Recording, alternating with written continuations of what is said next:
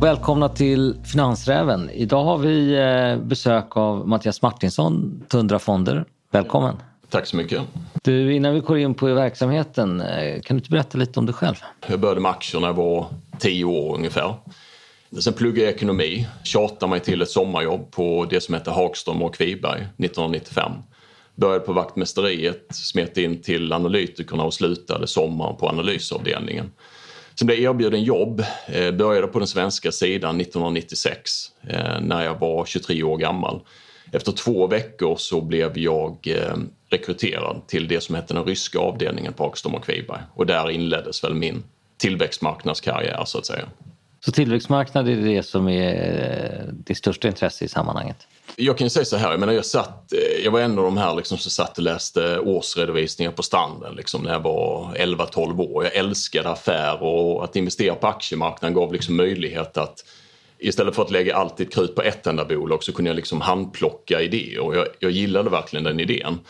Eh, sen kastades jag då in på ryska aktiemarknaden där å ena sidan, du hade inte alls samma information vilket var väldigt frustrerande. Du hade liksom inte 20 års finansiella nyckeltal eller, och eh, det, du fick investera på ett annat sätt. Men sen å andra sidan eh, så märkte jag ganska snabbt att det här är ju liksom lite grann, det är nästan som att gå in i en tidsmaskin. Att du får de här svenska bolagen som du skulle velat ägt för 30-40 år sedan om du hade fattat då. Va?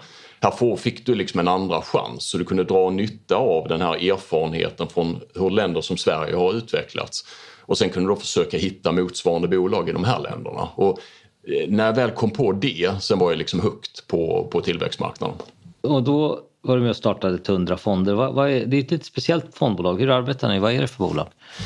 Ja, alltså vi eh, fokuserar ju på vad vi kallar en nästa generations tillväxtmarknader. Och jag då som en gång i tiden var en av pionjärerna på den ryska aktiemarknaden och fick uppleva det här med när du är ganska ensam på en marknad och informationsövertaget som du har. Efter de erfarenheterna så var jag alltid lite mer lockad att leta mig till de områdena som inte alla andra tittade på. Eh, och i den processen så kom jag i mitten på 2000-talet så stötte jag på till exempel Pakistan och Sri Lanka och de här marknaderna som jag Medan det var aktiemarknaden som hade funnits i 100 år. Eh, börsomsättningen i Pakistan i mitten på 2000-talet var lika hög som i Singapore. Men ändå så hade du 99 av 100 investerare fnös åt det och skulle inte ens titta. Och sånt gör mig alltid lite extra intresserad. För det handlar ju väldigt mycket om att alltså, försöka liksom få ett informationsövertag när du investerar. Och kan du, kan du investera på liksom viktiga framtidsmarknader där du har ett informationsövertag, då har du också möjligheten liksom att hitta de där bolagen som väldigt få andra investerare har, har investerat i. Så att Tundra då, vi, vi säger att vi, om man ser världen i världen ungefär 7,5 miljarder människor, 7,6 någonstans. Vi investerar eh, snarare enligt Världsbankens definition av världen. Det vill säga att det finns höginkomstländerna, det är ungefär en miljard människor. Sen finns det övre medelklassländerna som är eh, ungefär 2,6 miljarder. Eh, men den andra hälften av befolkningen är lägre medelklass och låginkomstländer. Och de här länderna som är ungefär hälften av världens befolkning utgör mindre än 5% av börsvärdet. Och de närmaste 50 åren så kommer den här befolkningen på 3,8 miljarder växa till 6,5 miljarder. Medan befolkningen i de mer utvecklade länderna kommer att stå stilla under den här tiden. Och all ny arbetskraft i världen de närmaste 50 åren, all ökad arbetskraft kommer komma från lägre medelklassländerna och låginkomstländerna. Så att vår idé är liksom att försöka göra stockpicking, försöka välja liksom framtidens vinnare i de här länderna som vi tror kommer att ha en väldigt mycket starkare ekonomisk utveckling. Så där har du satt i din tidsmaskin, eh, fått göra om allting eh, lite så här, tillbaka till framtiden. Och hur har det gått? Det finns ungefär 40 stycken fonder i världen som håller på med det vi gör. Och vi är just nu då den enda fonden som har högsta betyg i Morningstar på tre år och fem år. Men i absoluta termer så har det varit en ganska så medioker utveckling. Det har varit en tuff period för, eh, för tillväxtmarknader och mindre tillväxtmarknader som vi håller på med. Så att fonden har ju sedan start ungefär gett 8,5 procent om året. Men hade du investerat i USA under den här, de senaste 7-8 åren så hade du fått betydligt bättre än så. Eh, dock så tror vi ju lite grann att de här faktorerna, om vi tittar liksom på när tillväxtmarknader började gå sämre än till exempel den amerikanska börsen, eh, så var det i samband med att de kvantitativa penninglätterna ökade. Va? Så att vi tror att de här faktorerna med extremt billigt, billiga eller låga räntor jätte, jättegod tillgång till kapital och en liksom väldigt hög riskaptit från investerare. Vi har sett det de senaste tio åren och frågan är ju då kan det här verkligen fortsätta liksom på, på samma sätt? Eller är det så att det är antingen då att det lugnar ner sig eh, att det inte blir lika mycket stimulanser i, i de utvecklade länderna de kommande tio åren. Alternativt då att det här sprider sig till, även till utvecklingsländerna. Va? Så att, värderingsgapet mellan en marknad som Standard på och våra marknader som vi håller på med har aldrig varit större de senaste tio åren. Vi har tjänat lite pengar de, sedan vi startade fonden. 8,5 procent om året, det är inte jättedåligt. Men eh, jag tror att det finns väldigt, väldigt mycket mer potential eh, de kommande tio åren och framförallt relativt utvecklade aktiemarknader. 8,5 procent är helt okej. Vi antar att det är högre risk, måste man ändå få säga, i de här marknaderna. Så vad kommer vara triggen som gör att eh, man får den här, som jag antar att du, eh, som du säger implicit, att man kommer få en riktigt bra hög avkastning. Jag vet inte vad exakt hur ni har definierat den, men, men eh, 15 procent per år eller något sånt där. Vad kommer vara triggen för en sån utveckling? Jag tror så här, om man tittar under väldigt långa tidsperioder så tenderar nästan alla aktiemarknader att ge någonstans mellan 8 till 10 procent i amerikanska dollar, det vill säga om du räknar om det till samma valuta. Och även våra marknader. Vår målsättning är att långsiktigt leverera 5% alfa till våra marknader efter avgifter. Just nu ligger vi på ungefär 4% per år sen vi, sen vi startade efter, efter fulla avgifter. Triggern, jag tror att det finns ett par stycken. Ett är ju på något sätt att man, och som jag har stött på ett antal gånger under, under, under min, min karriär, va? det är ju det här att ibland har du liksom ingen tydlig trigger utan du kommer till en punkt när man på något sätt att eh, det har skapats ett så pass stort värderingsgap eh, som inte riktigt kan motiveras av den underliggande tillväxten. Att du får liksom en ökad nyfikenhet och du får en naturlig rotation in i de här marknaderna. Men jag tror ju att en mer specifik punkt som vi har tittat på den, den, eh, det, det senaste året är ju det amerikanska presidentvalet. Eh, vi har ändå haft nu liksom fem väldigt speciella år med mycket liksom tal om att skydda sina hemmamarknader och jag menar USAs eh, eh, politik som har ju, som har, har liksom strävat efter att göra det bättre att investera i USA. Det har inneburit att utländska direktinvesteringar i utvecklingsländer har minskat ganska mycket och mycket av det har gått till USA istället. Då. Så att jag tror ju och hoppas att eh, presidentvalet, om det blir ett presidentskifte, att det är en sån här trigger som får institutionella investerare världen över att sätta sig ner och, och tänka liksom, okej okay, nu har vi haft tio helt fantastiska år i USA med en avkastning som är mycket högre än vad vi historiskt sett är vana vid. Kan det nu bli så här att med en Joe Biden som president istället att det blir mindre antiglobalisering och mer globaliseringstema tillbaka. Och då tror jag att det är en sån här faktor som gör att man, man tänker vad ska vi göra med vår emerging markets exponering? Kanske ska vi öka lite grann igen efter de här eh, tio fantastiska åren i USA. Och det som Tundra håller på med är vad ska man säga, svansen på tillväxtmarknaden, de lägst utvecklade tillväxtmarknaderna. Och vid den tidpunkten så kommer man, man kommer vilja ha, du kommer vilja ha dina Sydkorea, Kina och Taiwan och det här. Va? Men du kommer nog också vilja ha resten av tillväxtmarknaderna och det är där vi kommer in och det är där vi försöker vara bäst i världen på just den här svansen på tillväxtmarknaderna. Vi sitter här i Sverige och ni är i marknader som Pakistan, Egypten, afrikanska länder. Hur gör man rent praktiskt för att hitta vinnande bolag i de här länderna? Vi tror inte att man långsiktigt bara kan sitta i London eller Stockholm och, eller New York och eh, liksom från sin skrivbordsstol liksom plocka, eh, plocka bolag. Så att vi satte ju upp ett analyskontor i Karachi i Pakistan 2014 eftersom Karachi är och Pakistan är lite grann hjärtat av Frontier. Det är en bra likviditet, det är en väl utvecklad aktiemarknad och det finns väldigt många bolag som vi tycker då ännu inte är upptäckta. Så att idag har vi ju eh, fyra stycken anställda som sitter i Karachi i Pakistan. Eh, 2016 så anställde vi också en person i Vietnam eh, och idag har vi en person som sitter i Ho Chi Minh. Den lokala närvaron kombinerat med att jag till exempel jag reser 11-12 veckor om året och min kollega och liknande. Att försöka liksom komma nära marknaderna. Den andra faktorn är, och det är någonting som jag ska känna att jag har arbetat med hela livet, det är liksom det här att du att acceptera att du inte kommer att, kunna investera överallt. Du kommer inte upptäcka alla bolag utan du måste avgränsa dig.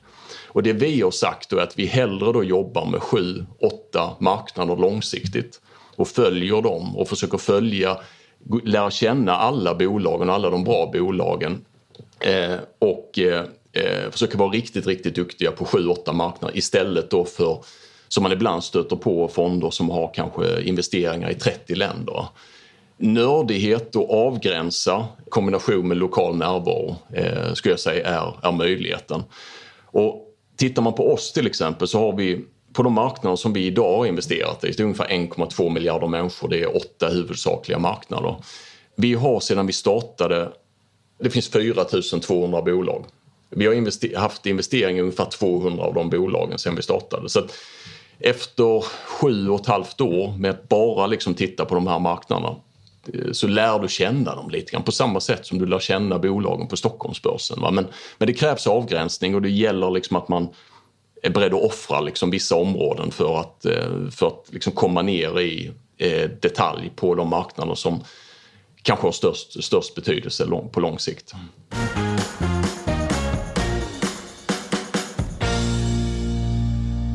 Ni har gjort om lite grann, för ni hade fyra fonder, korrekt va?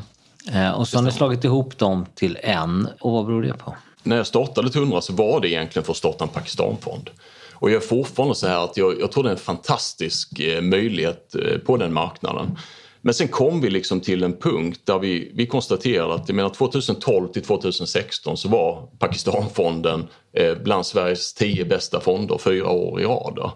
Ehm, att oavsett hur väl vi levererade och även i de bästa tiderna så var alltid intresset lite begränsat. Då. Och sen kom en kris liksom som gjorde då att investerare verkligen, verkligen lämnade. Men det vi någonstans på vägen konstaterar vi väl med att, att ungefär 95% av det intresset som fanns för vår del av världen riktades mot en diversifierad fond, den globala fonden. Och ska man då driva dagligt handlade fonder med, eh, du har eh, menar, handeln med flöden, med eh, årsredovisningar, halvårsrapporter, månadsbrev. Så kom vi till slut till en punkt och så är det bara vi som tycker att det här är så jäkla kul med de här små nischfonderna? Och konstaterar att, att det kanske är bättre att vi helt enkelt samlar alla fyra fonderna i en enda fond. En fjärdedel av det administrativa arbetet och ungefär samma intresse som tidigare. Och hur har det här gått? Det har gått väldigt bra. I våras så var vi, jag menar i samband med covidkrisen så var vi ett tag nere på ungefär 1,2 miljarder i förvaltat kapital i fyra fonder. Eh, nu är vi uppe på 1,5 istället, men i en enda fond. Så jag måste säga att eh, eh, nästan alla de investerare som var med i de här nischfonderna valde att följa med oss till den globala, vilket gjorde mig jätteglad. Jag trodde att fler skulle bli besvikna och att man skulle känna att jag ville ju verkligen ha just den här nischen. Va? Men det fanns en förståelse. Eh, och sen kan man såklart också säga då i kombination med att vi har haft bra performance i vår globala fond, att den ligger det är liksom den, den, bästa fonden som du skulle kunnat valt på de här marknaderna de senaste tre åren och, och fem åren och senaste året också. Så, att, så jag tror det klart har hjälpt. Då. Eh, men för oss nu så är det ju, nu har vi liksom 40-50 bolag som vi ska ha in i, i vår portfölj. Eh, en fjärdedel av det administrativa arbetet. Jag får ju otroligt mycket mer tid helt plötsligt till att eh, göra det som man egentligen älskar, det vill säga leta eh, nästa spännande investering. Och när du sitter där i din tidskapsel, vad, vad är det för, har ni specialiserat er även på branscher eller är det i de här marknaderna är över hela paletten av bolag?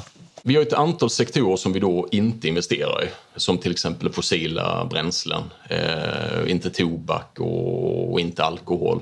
Men eh, annars så kan man säga att vi söker det vi kallar är strukturell tillväxt. För att det är ju så att när de här marknaderna nu de närmsta 50-60 åren kommer att börja närma sig Sverige, då kommer det också vara sektorer och bolag som försvinner, precis som det var i Sverige.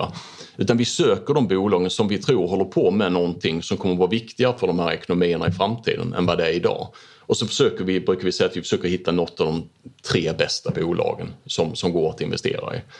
Eh, och det leder oss in till att vi har de största övervikterna i fonden idag, till exempel teknologisektorn, så IT-sektorn och eh, hälsovårdssektorn.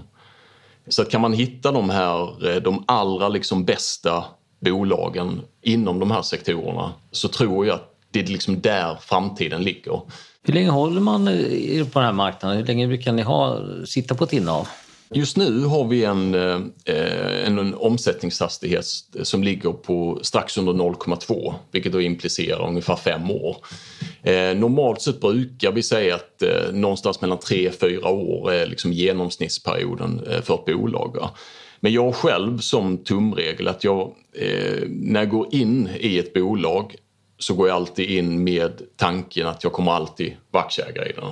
Eh, vi går aldrig in liksom i tillfälliga trender. Jag menar, majspriserna går ner och du köper en popcorntillverkare eller något sånt där. Sånt, sånt håller vi inte på med utan vi, vi söker, vi tänker alltid 10-20 år framåt och eh, hellre då att ofta blir det så att vi tenderar, och jag skulle säga min favoritaffär så att säga, det är att köpa riktigt bra bolag i dåliga tider. Och det gör liksom att vi ofta liksom att vi går in i marknader som kanske de flesta säger är fullständiga no-go-zoner. Eh, Men det är då du kan köpa de bra bolagen. De här åren som jag har hållit på med tillväxtmarknaden så är det så här att, man, att investerare tenderar att lägga för stor betydelse på landet, eh, alltså på politikerna, på de ekonomiska cyklerna och lägga för lite fokus på bolag. För att duktiga bolag klarar i princip alla tider och stärker sin position i kriser. Har du ett dåligt bolag, det kvittar liksom om ekonomin växer med 10% och allting ser bra ut. Va? Väldigt, väldigt mycket bolagsfokus. Nu nämnde du någonting som åtminstone jag och kanske en del andra, man blir lite nervös när det gäller sådana här marknader. Eh, Ryssland, Pakistan, eh, afrikanska länder. Hur är, liksom, hur är rättssäkerheten, hur är stabiliteten? Vad är risken att man blir liksom grundlurad i slutskedet? Jag skulle säga att alla fördomar i princip alla fördomar om de här länderna stämmer. Det vill säga att det är jag menar, tänk dig gå tillbaka till USA på 1860-talet, liksom vilda västern. Ofta är det så. Men tittar du 10 år tillbaka och tittar du 20 år tillbaka och du, och du tar i princip varje år så växer de här länderna snabbare än vad vi gör i västvärlden. Förstå och respektera, var rädd för de här problemen, var otroligt medveten om dem. Men var också medveten om att duktiga bolag hanterar de här problemen. De är vana att hantera problemen. Valutasvängningar, devalveringar, ekonomiska kriser och så vidare. Så i slutändan handlar det om, hittar du duktiga entreprenörer som har bevisat att de klarar att hantera den här miljön och du kan sålla bort de dåliga bolagen, det finns hur många dåliga bolag som helst. Då har du en fantastisk investeringsmöjlighet. Precis som i vilda västern säkert på 1860-talet. Det är både en jättestor risk men det är också den stora möjligheten. Har du några bolag du vill nämna som du säger wow vilka fantastiska bolag vi har hittat? Vi har ju, jag kan ta vår största position som är eh, just ett IT-bolag.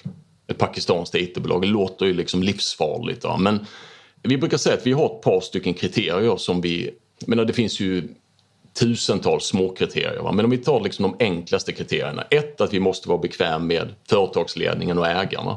Det vill säga för att är du inte på något sätt, om du inte tror, om du inte är övertygad om att du kommer liksom få hänga med på resan eh, eh, så är det meningslöst eh, oavsett hur duktiga bolag, bolaget är. Det andra är då att vi vill att det ska vara en sektor som, är, som vi då tror kommer växa sin andel av ekonomin. Och den tredje är att vi tror väldigt mycket på att samhället, det måste finnas att samhället gynnas av att det här bolaget blir större. Så vi tar då Systems Limited som de heter.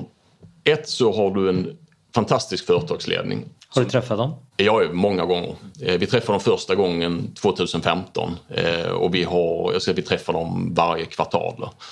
Jätteduktig företagsledning eh, Eh, som äger majoriteten i bolaget. De har ett väl utvecklat partnerprogram så de duktigaste programmerarna och så vidare får köpa aktier så småningom.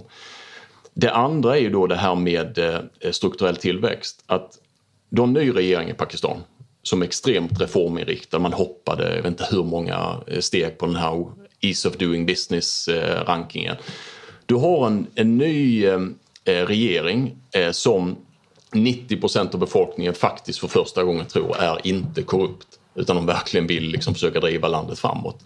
Och de har förstått att Pakistans stora problem är isoleringen. De måste öka sin export. Och det finns två sektorer som man har highlightat. Det ena är textilsektorn, vilket de flesta känner till att Pakistan är en potentiellt en viktig textilexportör. Och den andra är IT-sektorn. De vill göra någonting som Indien har gjort. Eh, och tittar du på Pakistan och Indien så bor det sex gånger så många människor i Indien som i Pakistan. Men Indien exporterar hundra gånger mer IT-tjänster än Pakistan. Så den här regeringen nu vill promota IT-sektorn. Och Systems Limiteds VD sitter med i det ekonomiska rådet tillsammans med premiärministern i, i Pakistan. Har vunnit eh, IT-exportpriserna för 2019 och 2020. Senaste tre åren när den pakistanska aktiemarknaden haft en supertuff period, gått igenom en otrolig kris, så har det här bolaget mer än dubblat sin omsättning och vinst. Och aktien har eh, gått motsvarande. Så det är tillbaka till det här att det handlar inte så mycket om, eh, om marknaden utan det handlar om att hitta liksom bolag som har möjlighet att växa trots allt. Och att hitta de duktiga företagsledningarna. Och Systems i det här fallet, de exporterar mer än 80% av sina tjänster. Framförallt till USA, och Mellanöstern och börjat med Europa och Australien nu också. Jätte, jättefint bolag och där vi känner att alla de här parametrarna som vi har på plats, det vill säga företagsledning, strukturell tillväxt och att gynna samhället Eh, är jag ska säga, så bra inkapslat i vår investeringsfilosofi som, som det kan bli. Det är ett ganska hårt fokus eh, mot hållbarhet. Va, va, hur ser ni på dem och hur arbetar ni där? Det vi konstaterar var att alla sunda fondbolag eller alla förvaltare måste ju ha ett hållbarhetstänk i grunden. För att det handlar ju på något sätt om att samhället förändras. Om du inte hänger med, om du inte är beredd liksom på de förändringar som kommer komma i lagstiftning och så vidare eh, så, så kommer, du inte, då kommer du inte lyckas med din förvaltning. Så att, det har vi alltid funnits. 2015 så gjorde vi en, ska man säga, att vi bestämde oss, vi fick ett antal förfrågningar från eh, svenska institutioner. Men svenska institutioner ligger långt fram på hållbarhet. Och även om vi kände våra bolag så hade de, eh, de ville ha en audit, de ville ha liksom, eh, hur vet jag att det inte finns barnarbetare i de här bolagen? Jag, liksom, då gjorde vi en, eh, en genomgång, vi pratade med de här olika konsulterna som fanns och konstaterade att nästan ingen konsult täcker vår del av världen. Vi tvingades så att säga göra en egen dokumentation av våra bolag, vilket vi har gjort nu i fem år. Och det har vi gjort årligen att vi skickar ut frågeformulär till dem, förmår dem liksom att lämna tillbaka de här, mäter hur långt de har kommit, uppmuntrar dem eh, eh att signera olika initiativ som PRI och UN Global Compact och har liksom en löpande kontakt med dem. Vi har hållit seminarium och konferenser i Pakistan och Sri Lanka och så vidare för att öka medvetenheten. För att det är ingen så att det inte finns, viljan finns men kunskapen är väldigt låg. Varför då är det här så viktigt? Alltså hållbarhet på våra marknader. Tittar du på världen idag, om vi går tillbaka till den här indelningen i höginkomstländerna och sen så har vi då vår del av världen som är låginkomstländerna och lägre medelklassländerna. Höginkomstländerna i genomsnitt släpper ut ungefär 10 ton koldioxid per invånare och år. Det är sådana en miljard människorna som är rikast i världen. Låginkomstländerna och lägre medelklassländer släpper ut mindre än ett ton, 0,8 någonstans. De närmsta 50 åren så kommer de här 3,8 miljarder människorna bli 6,5 miljarder människor. Medan vår del av världen kommer att stå stilla i termer av befolkning. Om de här länderna faktiskt lyckas och når upp till vår välståndsnivå inom 50 år. Det innebär, sett utsläppen ligger kvar på de här nivåerna i utvecklade delen av världen och våra länder når ifatt det innebär att koldioxidutsläppen i världen kommer öka nästan tre gånger. Ja, det vet vi att det inte går. Nej, det går inte. Vi hävdar ju liksom att det är jättebra liksom med alla initiativ inom hållbarhet. Jag menar ökad plastskatt på plastpåsar i Sverige. Va? Men det absolut viktigaste området för hållbarhet det är de här 3,8 miljarder människorna som kommer bli 6,5 miljarder och som just nu inte liksom har byggt ut sina kolkraftverk och inte liksom... Det här har vi ju chansen faktiskt att hjälpa dem bygga sin tillväxt på ett mer hållbart sätt än vad Tyskland gjorde till exempel. Vi får så mycket frågor om ja, liksom lite så skepsis och men hur är det egentligen? Och så kan man, det är inte det som är viktigt. Det är inte viktigt var de är idag. Det är viktigt vad som kommer att hända de närmsta 50 åren. Kan vi på något sätt eh, men hjälpa till lite grann, liksom att pusha lite grann på att förbättra det här tänket hos de här bolagen redan nu så är det ju en fantastisk vinning. Ja. Och det är det absolut viktigaste arbetet inom hållbarhet i världen. Wow, då är det spännande där i tidskapseln. Ja, har man väl börjat med det en gång så du kan liksom inte gå tillbaka till någonting annat, det går inte. Mattias, det har varit superspännande att lyssna på, på uh, hur ni ser på det här och hur ni jobbar. Jag vill tacka dig för väldigt inspirerande samtal. Tack själv. Och, uh, hoppas vi får se dig här igen. Ja, gärna det. Lycka till nu. Tack så mycket. Bra. Hej. Hej. Finansräven har i det här avsnittet ytterligare en gäst. Mats Sand som är VD på Luxbrite, ett bolag som är på väg att listas på Nasdaq First North. Så Mats, vad gör Luxbrite? Uh, Luxbrite är ett innovationsbolag som sysslar med något så traditionellt som röntgenrör.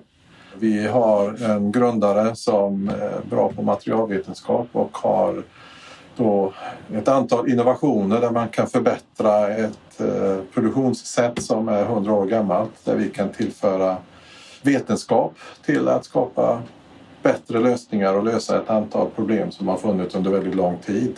Så röntgenrör helt enkelt, källan till alla röntgenbilder. I samband med att Luxbright listas på Nasdaq First North kan ni också ta in 27,5 miljoner kronor i en nyemission med möjlighet att öka på den med ytterligare 8,5 miljoner kronor. Vad ska ni använda de här pengarna till? Bolaget startade 2012 och har ju varit väldigt länge ett forskningsbolag så att egentligen så handlar det mycket om att kommersialisera de här innovationerna. Det är en patenterad teknik men att gå från eh, innovation till produktion är ett stort steg och en utmaning. Så att det handlar mycket om att bygga produktionsresurser, organisation, eh, testa, verifiera. Eh, alltså egentligen bygga ett kommersiellt bolag som producerar rör. Ni säger att er produkt i stort sett är färdigutvecklad. Betyder det här att ni är på väg att kommersialisera Luxbrights lösning? Ja, vi har faktiskt eh, redan påbörjat försäljning så vi har ett antal återkommande kunder. Men det här ska ju skalas upp så det, det finns en produktion och det finns eh, kunder. Men det är en stor marknad så det handlar om att skala upp. Men det är ju inte det enda vi ska använda pengarna till. Det är ju en del. Vi har ett antal idéer som vi tror att vi kan eh, bygga vår patentportfölj med också. Men Huvuddelen är att gå ifrån eh, ett forskningsbaserat eh, synsätt till ett kommersiellt producerande bolag. Det är där det stora steget kommer nu. Det kanske inte är så många som känner till marknaden för röntgenrör. Hur skulle du beskriva den? Hur stor är den? Hur många kunder finns det? Ja, någonstans mellan 200 eh, och 400 miljoner euro. Vi räknar med att det säljs ungefär en och en halv miljon röntgenrör per år. Röntgen används ju i mängd olika applikationer. De flesta känner ju till medicinska applikationer på sjukhus. Om man inte varit på sjukhus så kanske man har varit hos tandläkaren där man då har fått eh, använda röntgen för att ta bilder. Men det finns marknader som kallas för NDT, Non-Destructive Testing, där man då har materialprovande applikationer. Det kan vara processindustri, flygplan, elektronikindustri och en massa olika tillfällen när man behöver se hur saker och ting ser ut på insidan. Så det är en del sen matindustri. Det är inte många som vet att eh, sushi-bitar, alltså laxfiléer, kan röntgas för att se att det inte finns no några ben i. Eh, och Findus vill nog inte ha eh, glasbitar eller eh, metallbitar i barnmatsburkarna. Så det finns en jättemassa applikationer där man använder röntgen. Flygplatser, säkerhet, men inte bara på flygplatser utan du kan inte åka tåg i Kina utan att eh, du skannar ditt bagage. Eh, sen har du event, stora konserter liknande använder man röntgen. domstolar, fängelser. Så det finns väldigt många olika applikationer. De innovationerna vi har till våra rör de passar till en del av den här marknaden. Så vi adresserar kanske en årsvolym på drygt 200 000 rör och en nisch i den nischen då är, handlar om högupplösta bilder som vi kan då med vår teknik tillhandahålla. Är det någon speciell del av marknaden som ni riktar in er på? Det här är ju en internationell marknad. Det är inte, vi riktar inte in oss på den svenska marknaden utan det här är en, en om inte global så internationell marknad. Luxbright går till marknaden med ett rör som innebär de största förändringarna på den här marknaden på över 100 år. Hur redo skulle du säga att marknaden är för era rör? Det finns eh, faktiskt eh, lösningar. Det vi pratar om som är vår första produkt vi tar till marknaden kallas för mikrofokus.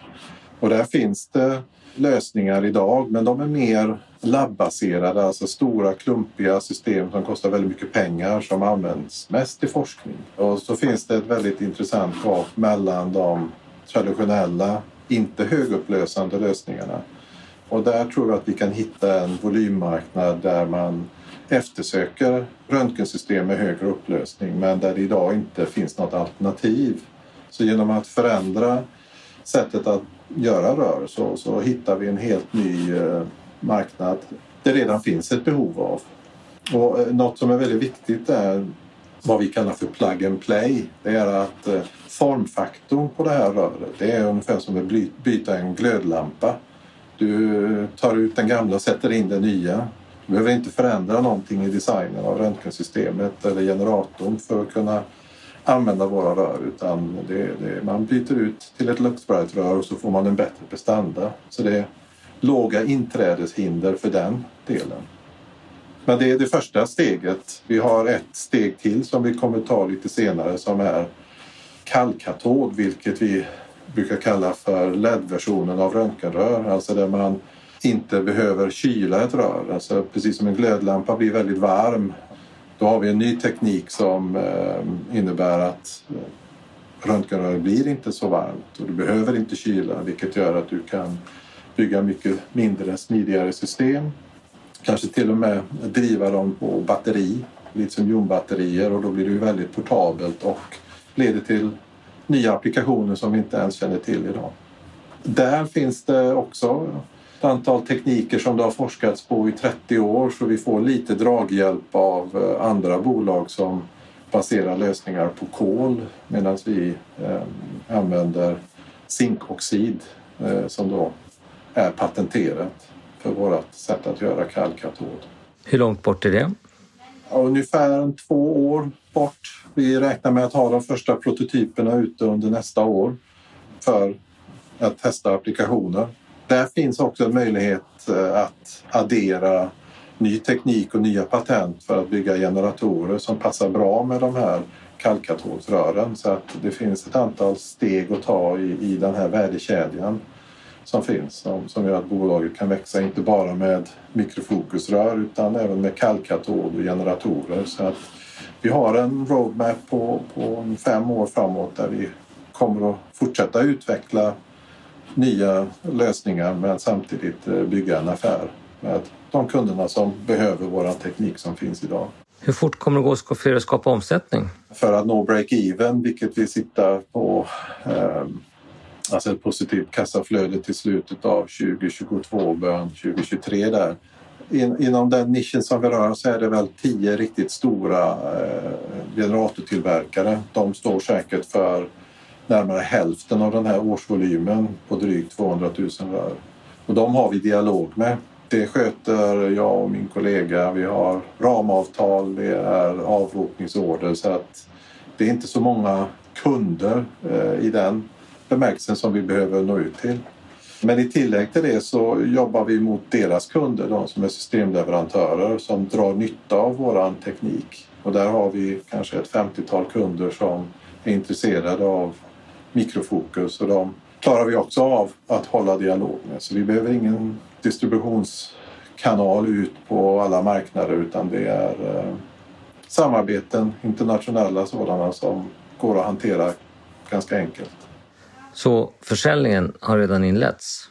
Ja, som jag sa, vi har ju redan börjat vår försäljning och har återkommande kunder så att det här är tanken att vi ska skala upp den här försäljningen under kommande år och det är det vi använder kapitalet till. Att bygga lager och eh, helt enkelt eh, bygga volym. Äger du själv aktier i Luxprite? Ja, det har jag faktiskt. Jag har investerade i bolaget när jag började så att eh, vi har haft en del eh, företrädesemissioner fram till den här noteringen som jag har varit med i också. Så att eh, jag äger aktier i bolaget. Och hur länge pågår den här emissionen? Den pågår till den 5 november. Tack Mats för ett intressant samtal. Eh, hoppas att allt går väl på vägen till Nasdaq. Ja, och, tack för det. Eh, på återseende. Tack! Tack!